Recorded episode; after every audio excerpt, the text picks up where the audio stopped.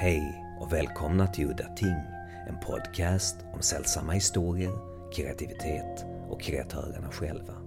Mitt namn är Henrik Möller, musiken är skapad av Testbild och loggan till podden är gjord av Malmökonstnären Nalle Chinsky. Det här avsnittet ska handla om den brittiske skräckförfattaren och medeltidsforskaren M.R. James. Född 1 augusti 1862 och död 12 juni 1936.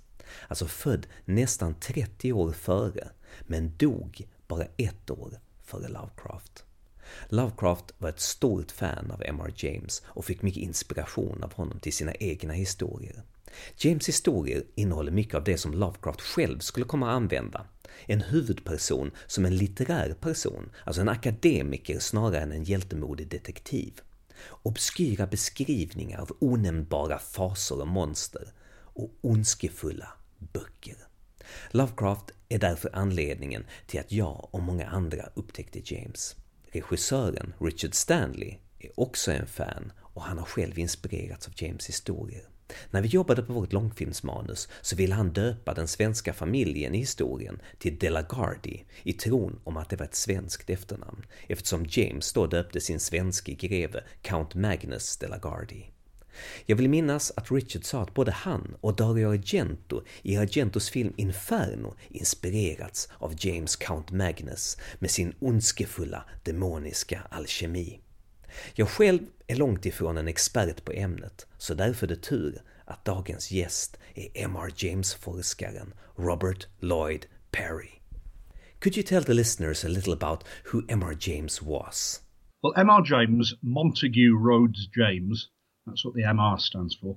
Um, he's kind of he's acknowledged today, rightly, I think, as the the master of the English ghost story. Um, he was a scholar. He was a scholar at Cambridge University, an expert in medieval manuscripts and also in the apocryphal books of the Bible. And these kind of um, academic interests fed into the ghost stories, which he's probably best remembered today. Now, he only it, it was very much a sideline in his in his life writing these ghost stories. Um, he'd basically write one a year uh, to perform to his friends in King's College, Cambridge, each Christmas. And kind of every seven or eight years, when he had enough ghost stories accumulated, he'd publish a collection, and the four collections were published in all during his lifetime, and then a, a collected volume with about 30 odd stories in it. So, you know, his output compared to many other writers in the genre was quite sparse. Um, but that also means that um, there's a kind of almost uniform excellence to these 30 odd stories. Um, he kind of a few of them kind of are a bit of a dip in form, but you know, generally they're a good 25 really, really first-rate ghost stories by him that survive. Um, now, he, the, the, sort of ghost story that he pioneered um, is what's known as the antiquarian ghost story, and um, you know, it, it does sound a bit formulaic. It, it kind of it, it, often involves a scholar, a man much like M.R. James himself, a, a researcher. Um, a rather unworldly character, perhaps, someone who's kind of not entirely at home in the modern world.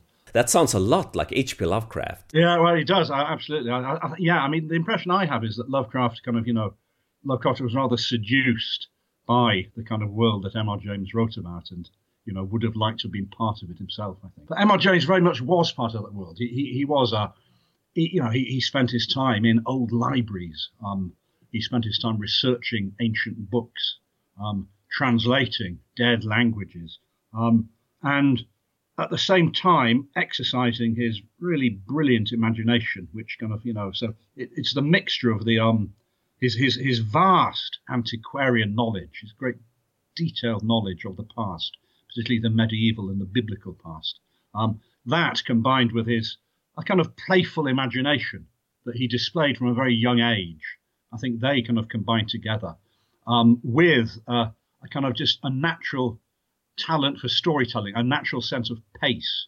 Um, and they're the kind of the, the, three ingredients I think that perhaps make M.R. James's stories, well, which has allowed them to survive uh, to this day and to still be admired as strongly as they are to this day, and still quite quite right, widely read. He's not exactly a household name. Um, I don't know how much of a name he is at all in Sweden, but um, he'd have been very chuffed. He'd have been very glad uh, if he was known in Sweden, I think, because he had a particular interest in in Scandinavia. Um, actually, maybe you could tell me, is he well known in Sweden at all? Is, is he published? Not too sure exactly how well known he was, but there is one story of James's in a horror anthology I have from the 80s, and then there's an M.R. James collection from 1993, and that coincided with a lot of Lovecraft's work being released in the early 90s, so I suspect it was because of Lovecraft. Lovecraft, yeah. Well, he, he travelled to Sweden a couple of times, and um, one of his greatest stories, and in fact, the one that Lovecraft, I think, admired most of all, is set in Sweden. Count Magnus, which is a very, very bleak story. Kind of, it stands out as, as one of his his kind of darkest stories, really. It's a typical antiquarian ghost story in that it involves a, a lonely scholar. Um, actually, he's not so much of a scholar. This guy, he's he's, he's a kind of he's he's a oh, he's, he's a well-read character, but he's traveling in Sweden to, to kind of write a guidebook to Sweden. Uh, it says at the beginning that at the time, and the time being kind of late 19th century, there weren't many. Sweden was quite an unknown, it was terra incognita to English travellers and so on. So this guy's had the idea to write about a, an obscure part of the world and, and write a kind of chatty um, guidebook. So, you know, the kind of guidebook he's writing describes um, churches and places, but it also it, it, it's also it's going to kind of describe chats, conversations that he has with innkeepers and things like that. And um, anyway, he, he, he goes to he goes to Sweden and he gets, I think it's in Stockholm. Anyway, he he he kind of spends some time in a library and he meets people and they um, set him on the uh, the trail of a kind of unstudied collection of family papers in Vestergotland. Have I pronounced that correctly? It's close enough. Right.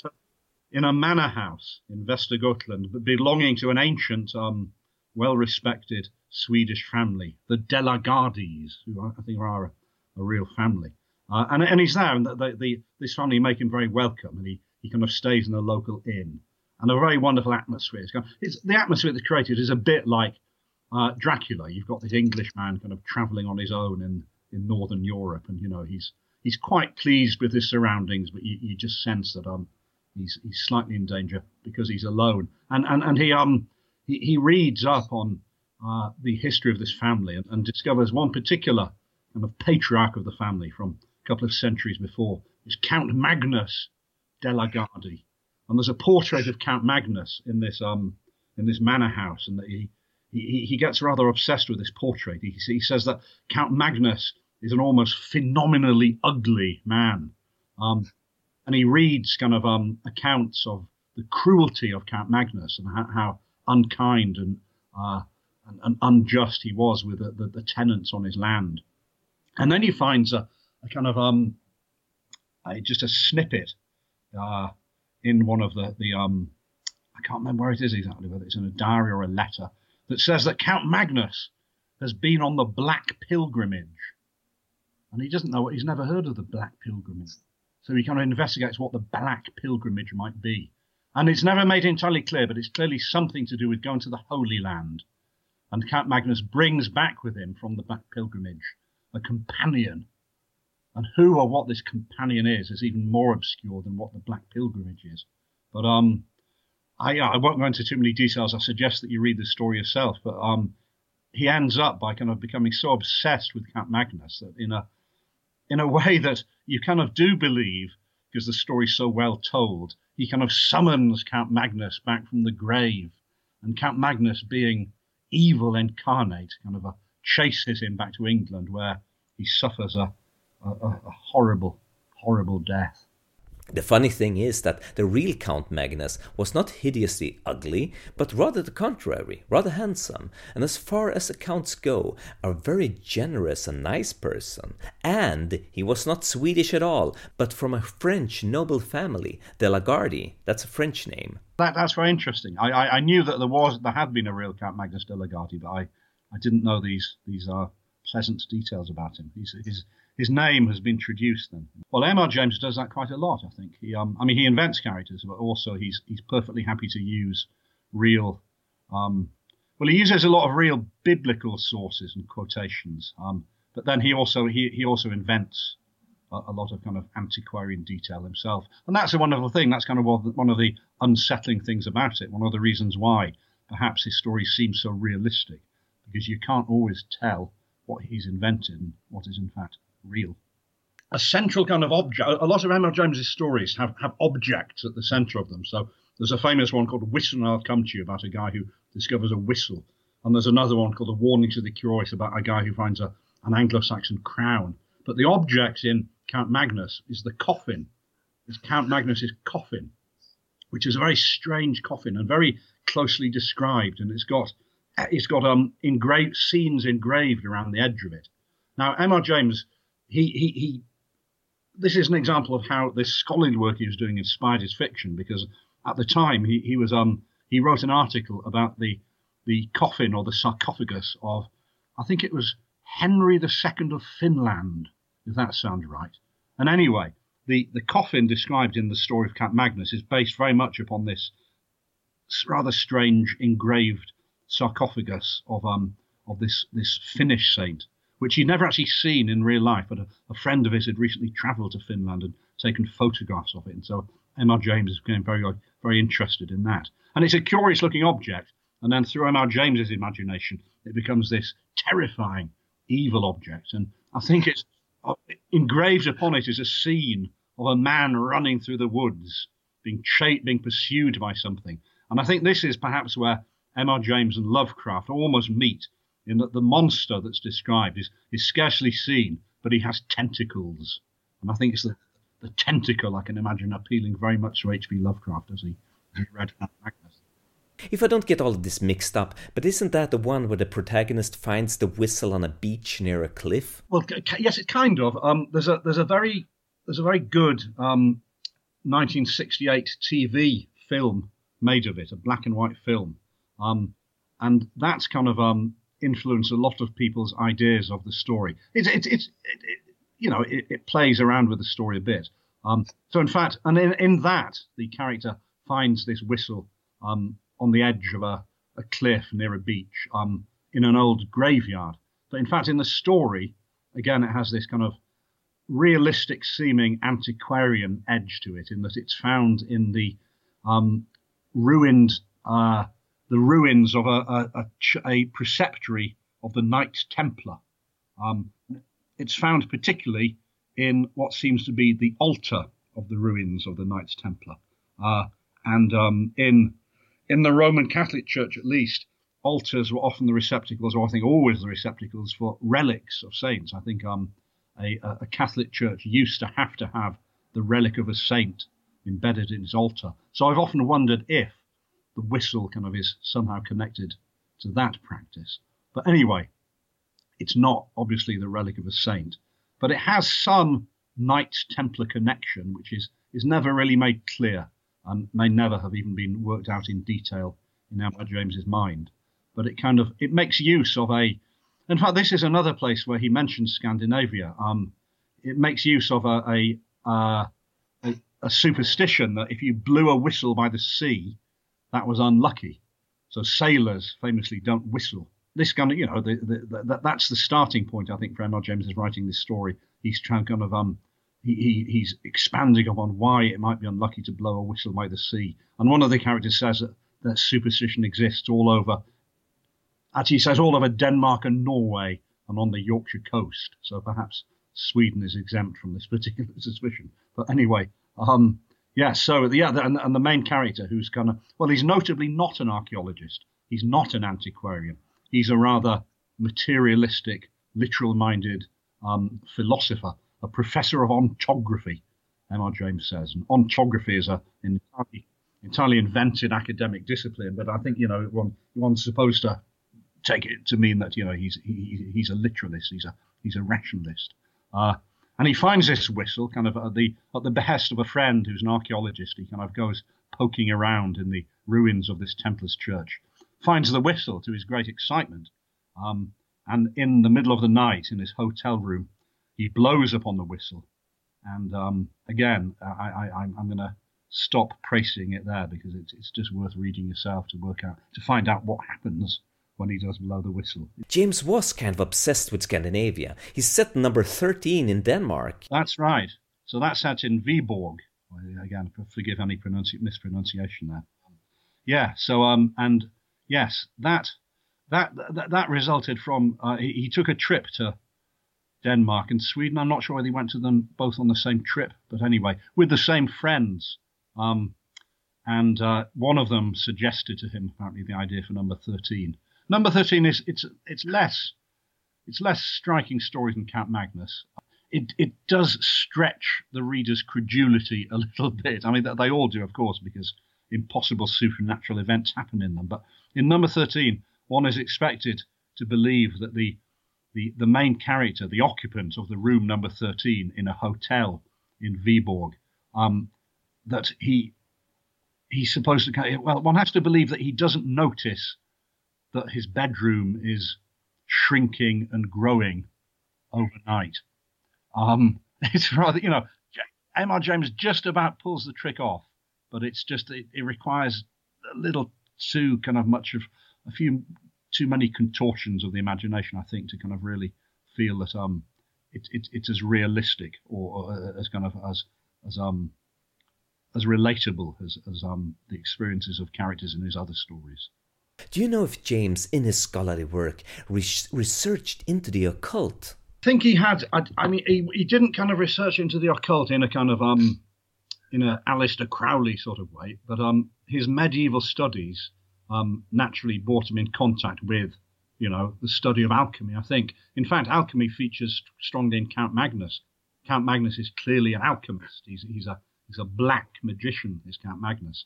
Uh, and the the um, investigator in Count Magnus comes across um, a collection or references to the, the alchemical books that Count Magnus has consulted.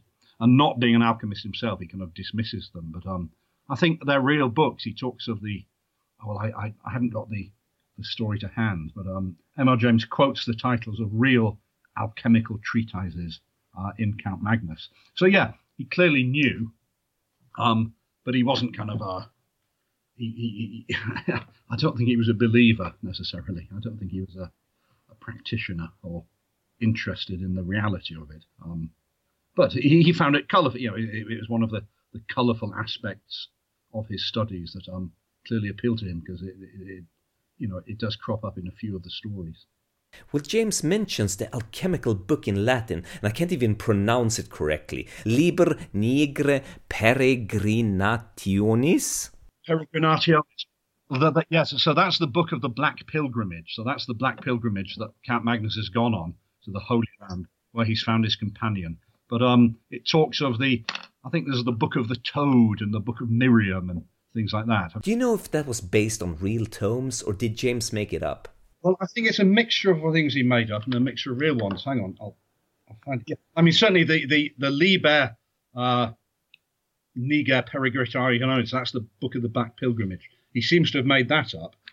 Um, although I think some people would have us believe that it it isn't. But um, okay, so not so he finds a he finds a collection of Count Magnus's account books, but it says one of them was not an account book but a book of alchemical and other tracts in another 16th century hand. Not being very familiar with alchemical literature, Mr. Wraxall spends much time which he might have spared in setting out the names and the beginnings of the various treatises the Book of the Phoenix, the Book of the Thirty Words, the Book of the Toad, the Book of Miriam, Turba Philosophorum, and so forth. And um, I think that they are all, there's a footnote in this book which I must consult, but I think they're all real alchemical books. Oh no, hang on. Okay, well it's a, yes, so it's a mixture of real alchemical treatises and and um, ones that M.R. James has made up. So there you are. He kind of, you know, there's a prime example of him mixing in his his genuine antiquarian knowledge and his and his imagination to kind of create this this unsettling universe. I have an old encyclopedia called Mysteries of Britain that actually belonged to Clark Ashton Smith. And that has a lot of information on the Knight Templar. So I'm thinking, is this a popular thing in England? Mysteries of the Knight Templar? Yeah, no, I mean, it, it, it is. Um, it's it's kind of, you know, it, it is one of these subjects that um, that, that obs- obsesses people and, and, and kind of attracts conspiracy theorists as well. I think. Um, again, M.R. James, he, you know, he, he, he'd have known, he'd have known a lot about the periods and the personalities and so on. Um, I don't think he was a particular Knights Templar obsesses himself. And I'm not sure how important the Knights Templar setting is to Whistle I'll Come to You, my lad. Um, in a way, I mean, I think the reason it's there is because he, he based the seaside town in which the story is set um, upon a seaside town in uh, Suffolk in East Anglia called Felixstowe. And not so very far from Felixstowe is another town in which there are the ruins of a Knight Templar church. There was another Knight Templar church in um, the grounds of a, a, medieval church in Herefordshire, where M.R. James used to holiday a lot. And in one of in a letter or a diary entry, I think it's a letter, he mentions um, going to this Knights Templar church in Garway in Herefordshire and he says something very enigmatic, like um, "We must have annoyed the residents" or something like that, because it, I can't remember the exact quotation, unfortunately, um, and I don't have it to hand. But um, he kind of hints in this story that he had a, a quasi spooky experience in the ruins of a, a Knight Templar's church. So yeah, um, but you're, you're, quite right. Um, there are people in England. I mean, I, I think actually the all the Dan Brown stuff was, you know, the, the Da Vinci Code was all kind of Knights Templar, um, quasi mythology, wasn't it? Um, there's a place in, in Scotland called Rosslyn Chapel, which is a very, very weirdly decorated church, which is connected with the Knights Templar. Uh, and I think people have, you know, people have not quite unlocked the iconography of this church, and so all sorts of imaginative theories are kind of um, cooked up about it. But I'm afraid I, it's it's rather beyond my my knowledge, that kind of thing. Could you talk about the real life settings in England that James uses in his stories? So the, there are two great stories by him set on the Suffolk coast. Uh, which I'll come to, which we've talked about, which is set in well, M.R. James calls it Burnstow. Uh, the its real life counterpart is called Felixstowe, um, and but the the other one is is a town called Aldeburgh, which is on the Suffolk coast as well, slightly remote in, in that it's difficult to get to. Um, from London, but it kind of it's it's, it's now a rather rather kind of upmarket seaside town. Um, but M.R. James's grandparents lived there, and he, he would holiday there as a child. And it is very very atmospheric. There's a there's an old Martello Tower, an old um, Napoleonic fortification at the end of the town, and there's a, a lovely old church, and it's surrounded by marshes. In, in, a warning to the curious, M.R. James says it it reminded him of the, the early chapters of Great Expectations, which, if you can remember, is a terribly kind of atmospheric opening set in a graveyard with, with mist on these marshes. And this kind of this this this shares a certain amount of the kind of same atmosphere. And it so yes, if you're going to England and you're on the M.R. James Trail, Suffolk really is the is the place to go to. Um, you can visit these seaside towns where he set the stories, but you can also visit the, the small village where M.R. James grew up. Um, Great Livermere, which is near Bury St Edmunds. Uh, and M.R. James's father, he was the rector of Great Livermere. So M.R. James grew up in the, the rectory. And it's a very small village, um, handful of houses, uh, set next to a mere, a lake, um, which is still uh, still to this day. I've been there quite a few times, and it does, you know, even on a kind of spring day, it feels like a, a rather out of the way place, a rather old world place. And this lake with kind of geese and frogs croaking in it, uh, often kind of with a, a, little kind of skirt of mist floating over it, is, a very atmospheric place. And there's one of his stories, a superb story called um, The Ash Tree, which again is set in Suffolk uh, in the 17th century. And it, it's, it's about a witch. It's about a, the witch trials in, in East Anglia. Um, and it's very much set in Again, M.R. James disguises a name, but it's clearly set in the village of Livermere. Um, and uh, yeah, Livermere Hall, which was kind of the big country house, which is now no longer exists. It was demolished in the 1920s, I think. But um. James was very familiar with it, and kind of it looked over this this strange, strange lake. Um, so yes, um, yeah, it's no, it, the M.R. James Trail really begins in Suffolk. But um, there are other other sites as well. Um, Lincolnshire is the setting for a story called Lost Hearts. but again, I think he bases the, the topography on on Livermere. I think again it involves a, a, a lake and a kind of big country house. And then we have the ash tree, another famous story. That's the one, if I'm not mistaken, uh, with the witch that is hanged from a tree. That's right. Well, she hasn't been hanging the tree. She, has been hanged, but um, she, the reason she's hanged is because the the um the master of the house, the, the kind of the owner of the country house, one night he sees her out of his window, and she's climbed up the tree. He's got a huge ash tree next to his house, and she's climbed up to the top of the tree and is seen cutting twigs and muttering to herself. And then he, he, he decides to confront her, but he makes a noise and she kind of she looks away in alarm. Then he runs downstairs and he can't see her anymore, but all he can see is a hare running across um, the path to the village. So he chases this hare and he tracks it down to Mrs. Mothersole's house. And he knocks on her door and she answers.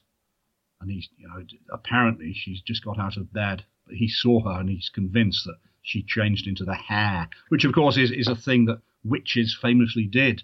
That's, you know, that's another realistic detail that um, James has taken.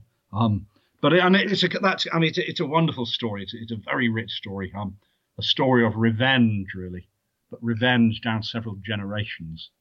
Um, yeah, it's one of his best. We have to mention the film version of Casting the Runes, uh, directed by one of my favorite directors, Jacques Tourneur, Night of the Demon. Absolutely, yeah. I mean, Night of the Demon, it, it kind of, you know, it is loosely based on Casting the Runes, really. But um, I suppose it, it shares the two main central characters. Uh, the main character, the really memorable character, is Karswell, um, who is a a black magician um, who is not taken seriously. At least in the story, he's not taken seriously by the academic establishment. Now, M.R. James, of course, was, was a pillar of the academic establishment. He must have come across disappointed academics all his life, and so this is kind of, you know, based upon the kind of people that he, he would have met and the kind of resentments that exist in the academic world. And in the story, Karswell tries to get um, a paper. Um, he wants to read a paper at a, at a learned society. Uh, and he's brushed off, he's dismissed, he's laughed at. Um, the paper is called The Truth of Alchemy. and, um, you know, of, of, course, the kind of the, the, the antiquarians uh, in authority, they have no time for that kind of nonsense. Um, but then it, it, turns out that, of course, that um, there is some truth to alchemy and that um, Karswell has access to that truth. And so he, he lays a curse upon the people who, who dismiss his um, attempts to kind of you know uh, join the the the the the, the, the accepted the, the, join the establishment really. And um and it's about a, a, a, guy realizing that he's under a curse and then desperately trying to shake off that curse. And it ends with an absolutely terrific um, chase scene um, as the the um as Karswell and the fellow who he's cursed kind of um they they they um they make their way to um to Dover on a train, and it becomes absolutely essential that um the fellow who's been cursed, who's called Dunning, he must pass on these runes, this slip of paper with a, a runic spell written on it. He must pass it on to Karswell without Karswell knowing. Um, and yeah, it, I mean, it's tremendously exciting. It, it, it's where M.R. James shows that he was just as good at writing a, a kind of a thriller as he was at writing a as a, go, a supernatural ghost story because um that's what it comes down to. The story is interesting because it predates the Ring films and it follows with the idea that you have to pass the curse on to someone else in order to get away yourself. To my knowledge, the old version of the story was always the kind of monkey's paw version. When you're cursed, you're cursed. There's no way out.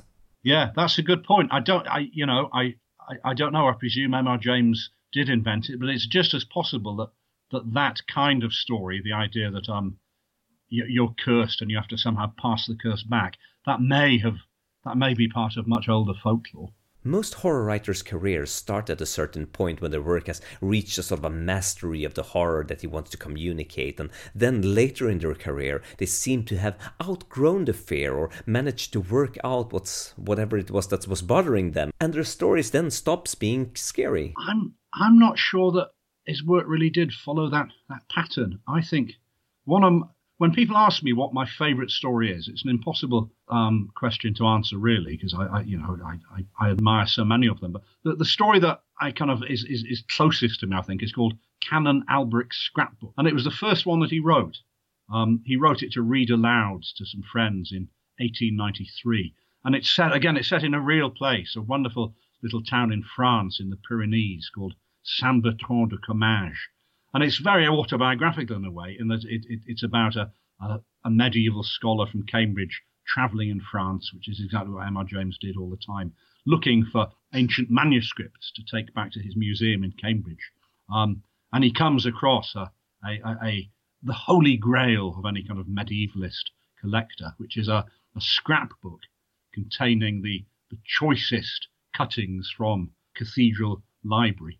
Um, and he sold it for uh, for a song. The, the, the weird little sacristan of the church sells it to him for a pittance, and it is accompanied by something unspeakable when he gets back to his hotel room. But um, you see, that's his first story, and in a way, everything that is admirable and likable and enjoyable about M.R. James is already there. You've got this wonderful setting, the the, the, the kind of the, the the the humour that keeps kind of piercing the, the, the kind of uneasy atmosphere. And that, that uneasy atmosphere, um, a kind of sudden, memorable moment of horror, kind of the antiquarian detail, it's all there at the beginning. I wouldn't want to assert that there was kind of really severe dip in quality as, as his career went on. But I think after the war, after the First World War, he, um, there were less kind of really first-rate stories produced. Um, however, perhaps his, his really his masterwork was written in the early 1920s, and that's a warning to the curious that I. But so yes, I don't think he kind of started started tentatively, worked his way up to a high degree, and then kind of had a decline. I think he started he started very high, and perhaps it was a perhaps it was a slow decline as as his career went on. Very interesting. His last ever published ghost story, um, which was published posthumously. He died in 1936. Uh, and he finished writing this story at the end of 1935 when he was already very ill. He died of cancer. Um, uh, and he'd kind of, you know, he'd stopped writing a few years before, but a, a, magazine editor had persuaded him to kind of just submit a piece of writing to um, a magazine called the London Mercury. And so he kind of cobbled something together, but it's not really a story.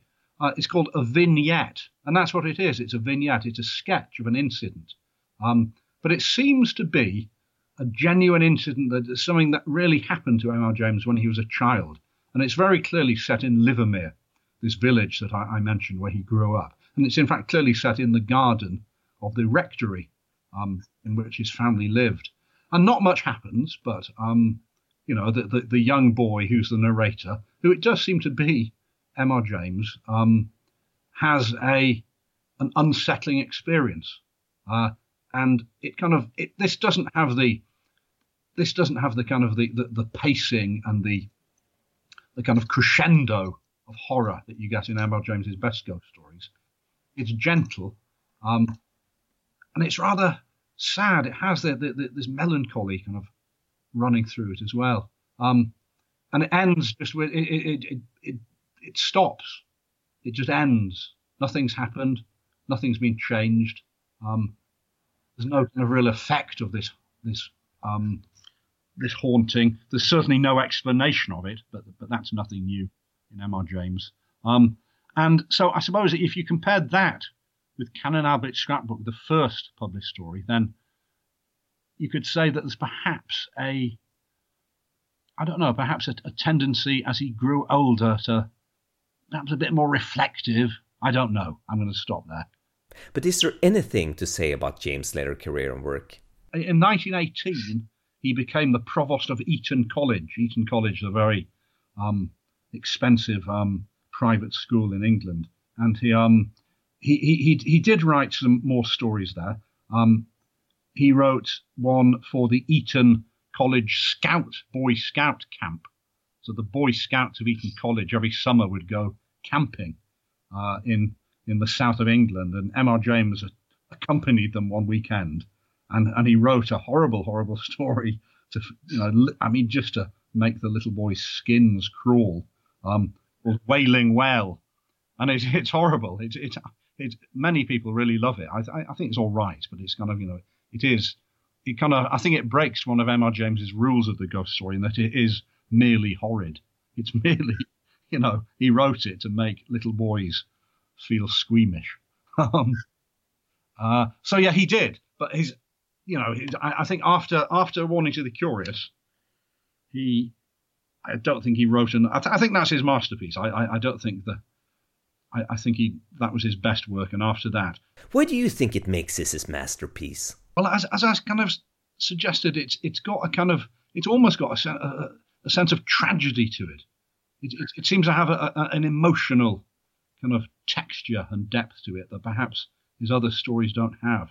The, the one that comes closest in terms of kind of um, exciting the emotions really is, is Count Magnus, but um, uh, I think it's I think it's I think it's a great story. It's it, uh, it's the imagination behind it, the there the the beauty of the writing.